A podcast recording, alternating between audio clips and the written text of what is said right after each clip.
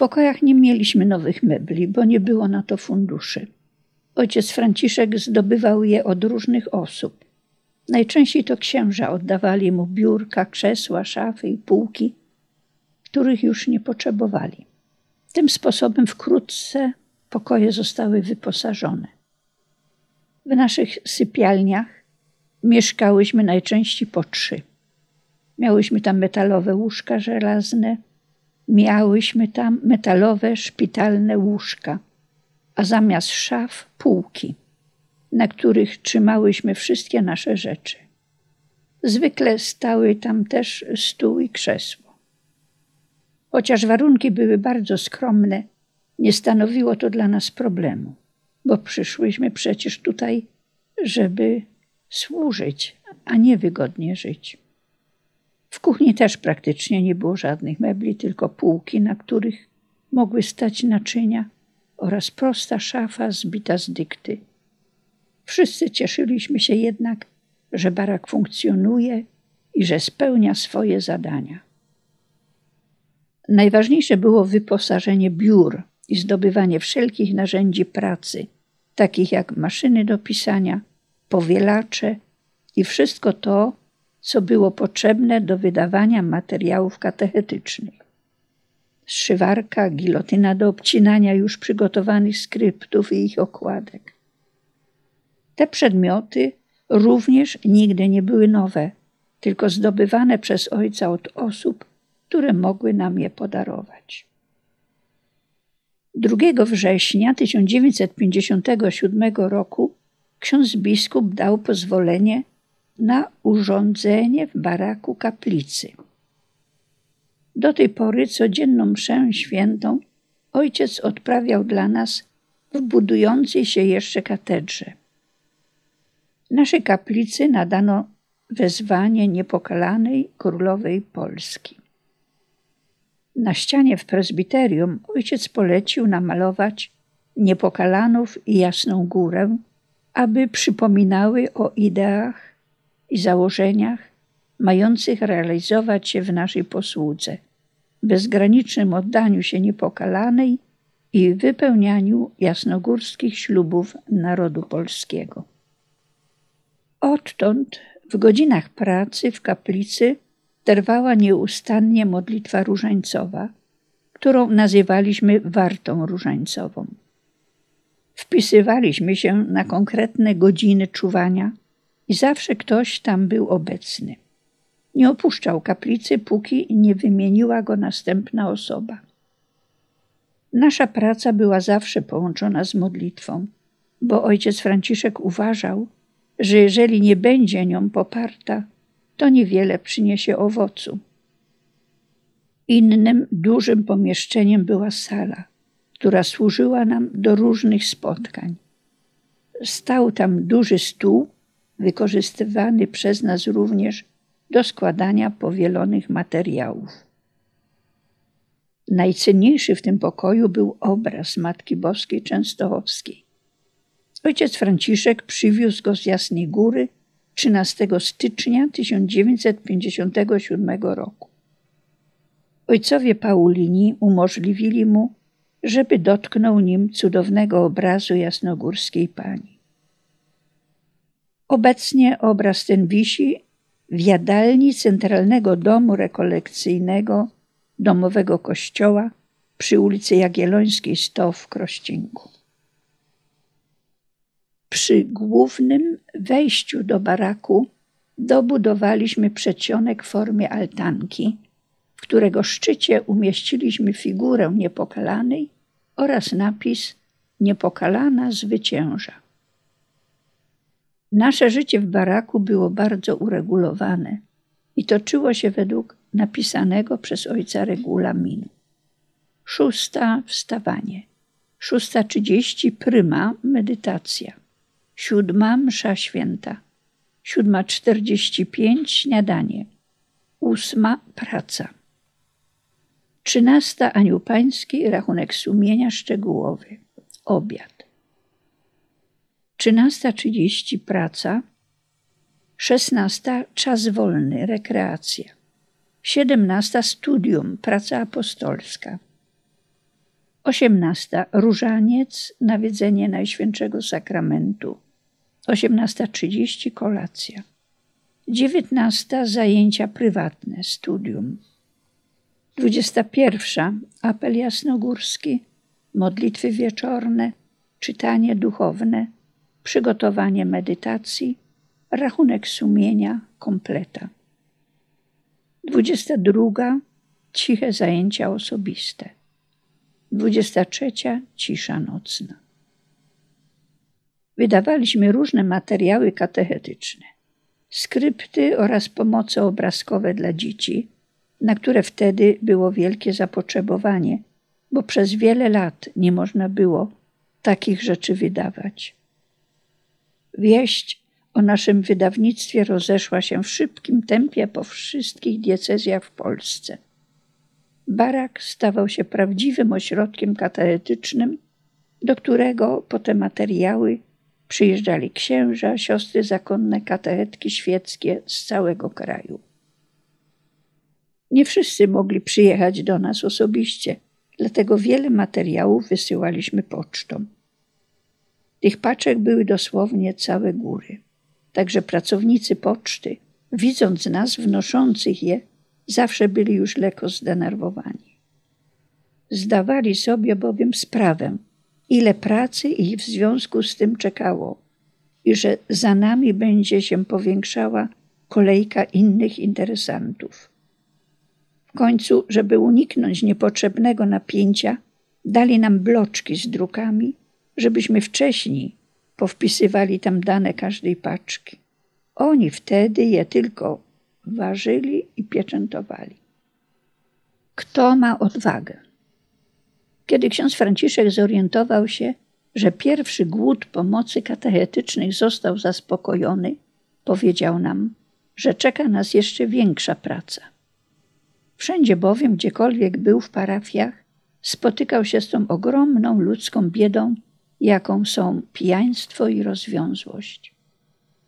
Wiedział, że alkoholizm to straszliwa choroba, która niszczy całego człowieka. Niszczy w człowieku wiarę, moralność, niszczy wszystko. Pod wpływem alkoholu popełnia się najwięcej grzechów. Człowiek uzależniony sprzeda siebie, rodzinę, dom, żeby tylko zaspokoić głód alkoholowy. Ojciec był przekonany, że chcąc człowieka z tego wyrwać i uratować, trzeba wydać alkoholizmowi prawdziwą wojnę. Mówił, że właśnie teraz musimy tę wojnę rozpocząć. Tym bardziej, że do tego zobowiązaliśmy się jako naród 26 sierpnia 1956 roku podczas jasnogórskich ślubów narodu polskiego, wypowiadając słowa Królowo Polski, przyrzekamy Ci walczyć z pijaństwem i rozwiązłością. W bardzo krótkim czasie oprócz ośrodka katechetycznego w baraku powstał więc apostolat trzeźwości do walki z pijaństwem i apostolat czystości do walki z wszelką rozwiązłością. W ramach apostolatu czystości ojciec Franciszek natychmiast przystąpił również do walki o ratowanie dzieci nienarodzonych, ponieważ w roku 1956 w Polsce pierwszy raz weszła w życie ustawa zezwalająca na ich zabijanie. 8 września 1957 roku w uroczystość Narodzenia Najświętszej Maryi Panny w sanktuarium maryjnym w Piekarach Śląskich ksiądz Plechnicki oficjalnie proklamował powstanie krucjaty trzeźwości. Inicjatywie tej pobłogosławił ksiądz prymas i biskupi. Ordynariusz katowicki, ksiądz biskup Stanisław Adamski tak wypowiedział się o tym wydarzeniu. Z radością dowiedziałem się o tym, że w uroczystość narodzenia Najświętszej Maryi Panny rozpoczęła się pod opieką panienki piekarskiej akcja antyalkoholowa pod nazwą Krucjata Trzeźwości. Chwalebna to myśl, aby u Matki Bożej, pośredniczki łask królowej naszej, szukać ratunku od niosącej nam zagładę strasznej plagi pijaństwa. Uważam, że ta, która przed 300 laty wybawiła nas od potopu szwedzkiego i dzisiaj uratuje nas od prawdziwego potopu alkoholowego. Zbawienna to również myśl, aby zachęcać wiernych do złożenia Bogu i Matce Najświętszej z miłości w duchu wynagrodzenia dla ratowania bliźnich ofiary całkowitego wyrzeczenia się alkoholu we wszelkiej postaci, ofiary abstynencji zupełnej. Zachęcam Was, ukochani diecezjanie, do złożenia tej ofiary. Klęska pijaństwa przybrała rozmiary zastraszające i tragiczne. To, co widzimy, czytamy i słyszymy, napełnia nas trwogą i głęboką troską o przyszłość ludu.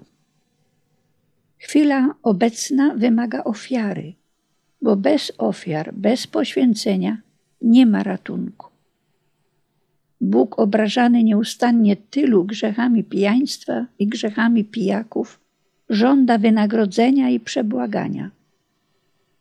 Do tej ofiary zachęcam zwłaszcza wszystkich ludzi szlachetnych, mających poczucie odpowiedzialności za bliźniego, za Kościół, za naród. Do tej ofiary zachęcam kapłanów, wychowawców, dzieci i młodzież, ojców i matki. Nowemu pisemku do walki z pijaństwem pod tytułem Niepokalana zwycięża które dziś rozpoczyna swoją apostolską pracę i walkę, oraz wszystkim, którzy przez złożenie ofiary abstynencji od alkoholu staną się członkami krucjaty trzeźwości, przesyłam swoje arcypasterskie błogosławieństwo. Niechaj niepokalana napełni was duchem i gorliwością apostolską księdza Ficka i księdza Kapicy – Niechaj prowadzi was do mężnej i zwycięskiej walki przeciw prądowi pijaństwa i pijackich zwyczajów panujących w naszym życiu towarzyskim. 10 sierpnia 1958 roku ojciec połączył apostolat trzeźwości, krucjatę trzeźwości i czystości w jedną krucjatę wstrzemięźliwości.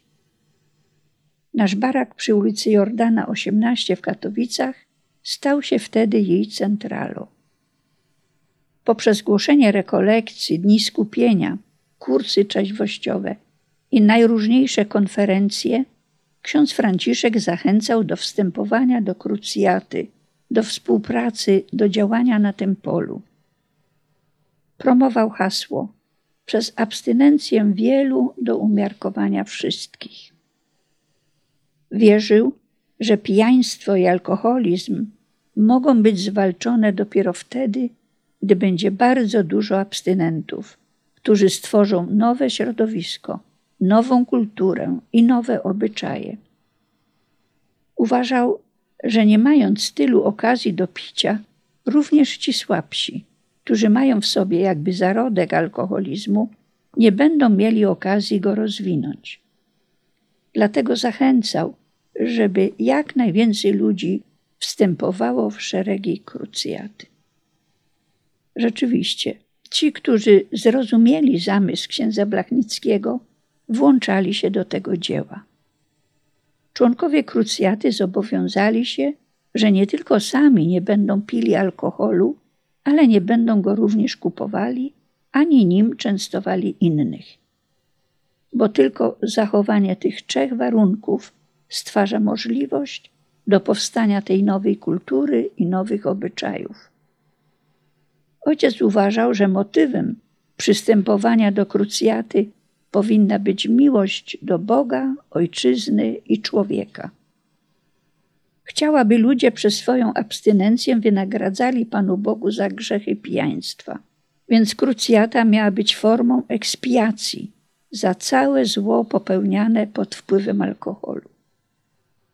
Ojciec podkreślał wielką wartość rezygnacji nawet z tego jednego symbolicznego kieliszka, wypijanego z okazji przywitania Nowego Roku przez osobę, która normalnie nie używa alkoholu. Ten jeden kieliszek, wypijany tylko ten jeden raz w roku, również przyczynia się do podtrzymywania niezdrowych tradycji. Niejednokrotnie przecież próbowano rozpijać nasz naród, przekonując, że pijaństwo to coś dobrego, że to nasza wolność, podczas gdy tak naprawdę zawsze była to droga do ogromnej niewoli, na którą często sprowadzali nas również wrogowie naszej ojczyzny. Bywało, że czasem nawet część wypłaty stanowił alkohol. Pamiętam, że w mojej miejscowości Tychy były dwa browary, w których pracowała większość mieszkańców. Każdego tygodnia pracownicy otrzymywali w ramach wynagrodzenia pięciolitrową beczułkę piwa, którą w domu wypijano. Ten przykład pokazuje jeden ze sposobów, w jaki rozpijano nasze społeczeństwo. Ojciec zachęcał do włączania się w dzieło krucjaty każdego, kto ma odwagę, żeby przeciwstawić się tym złym zwyczajom. Trzeba bowiem wielkiej łaski Bożej i współpracy rzeszy ludzi dobrej woli, żeby człowiek uzależniony chciał i mógł z tego wyjść. Ojciec mówił, jeżeli pijesz umiarkowanie, to nie robisz nic złego, ale jeżeli chcesz czynić dobro, ratować ludzi, to musisz i z tego zrezygnować. Ty bowiem wypijesz jeden kieliszek, ale ten, który jest uzależniony, wypije z tobą ten jeden i to w nim obudzi takie pragnienie, że zaraz kupi więcej alkoholu i wróci do domu pijany. Podobnie ma się sprawa z częstowaniem pracowników alkoholem. Ojciec uważał, że wielu podchodzi do tego zbyt lekko, a nawet myśli, że wyświadcza w ten sposób komuś dobro, zadawalając go. Taki mężczyzna często potem wraca do domu na czworakach, robi awantury, a nawet jak przychodzi i od razu idzie spać, to i tak rodzina nie ma z niego żadnego pożytku. A kto jest winien? Właśnie ci wdzięczni. To ojciec stale podkreślał. Ktoś coś dobrze zrobił, to kieliszeczek. Lekarz pomógł, to buteleczka. I w ten sposób ci wdzięczni rozpijają nieraz wielkich fachowców i bardzo dobrych ludzi. Ilu lekarzy stało się alkoholikami? Ilu? Znam osobiście takich. Stali się nimi z wdzięczności ludzkiej, bo pomógł, zrobił dobrze operację, przyjął do szpitala, to trzeba iść podziękować. A czym? No, jak najlepszą butelką, jak najdroższą, bo czym innym nie wypada, a butelką zawsze wypada. Więc tego bożka zawsze wypada zanieść. I nikt nie potrafi się od tego uwolnić. I dlatego nie jeden lekarz stał się alkoholikiem. Żona jednego z nich wprost mi opowiadała, że mąż nigdy nie pił, nie był pijakiem. No, ale ta wdzięczność ludzka go zniszczyła. Tyle miał w swojej szafce tych kolorowych butelek, że wreszcie zaczął je otwierać. No i skończył jako alkoholik. Ilu profesorów, ilu wspaniałych fachowców, murarzy, cieśli, nawet kominiarzy skończyło podobnie. Tak mi się dmiło, a on przyszedł i przeczyścił komin. No więc przynajmniej kieliszeczek. Tyle pan się kurzu nałykał, niechże się pan poczęstuje.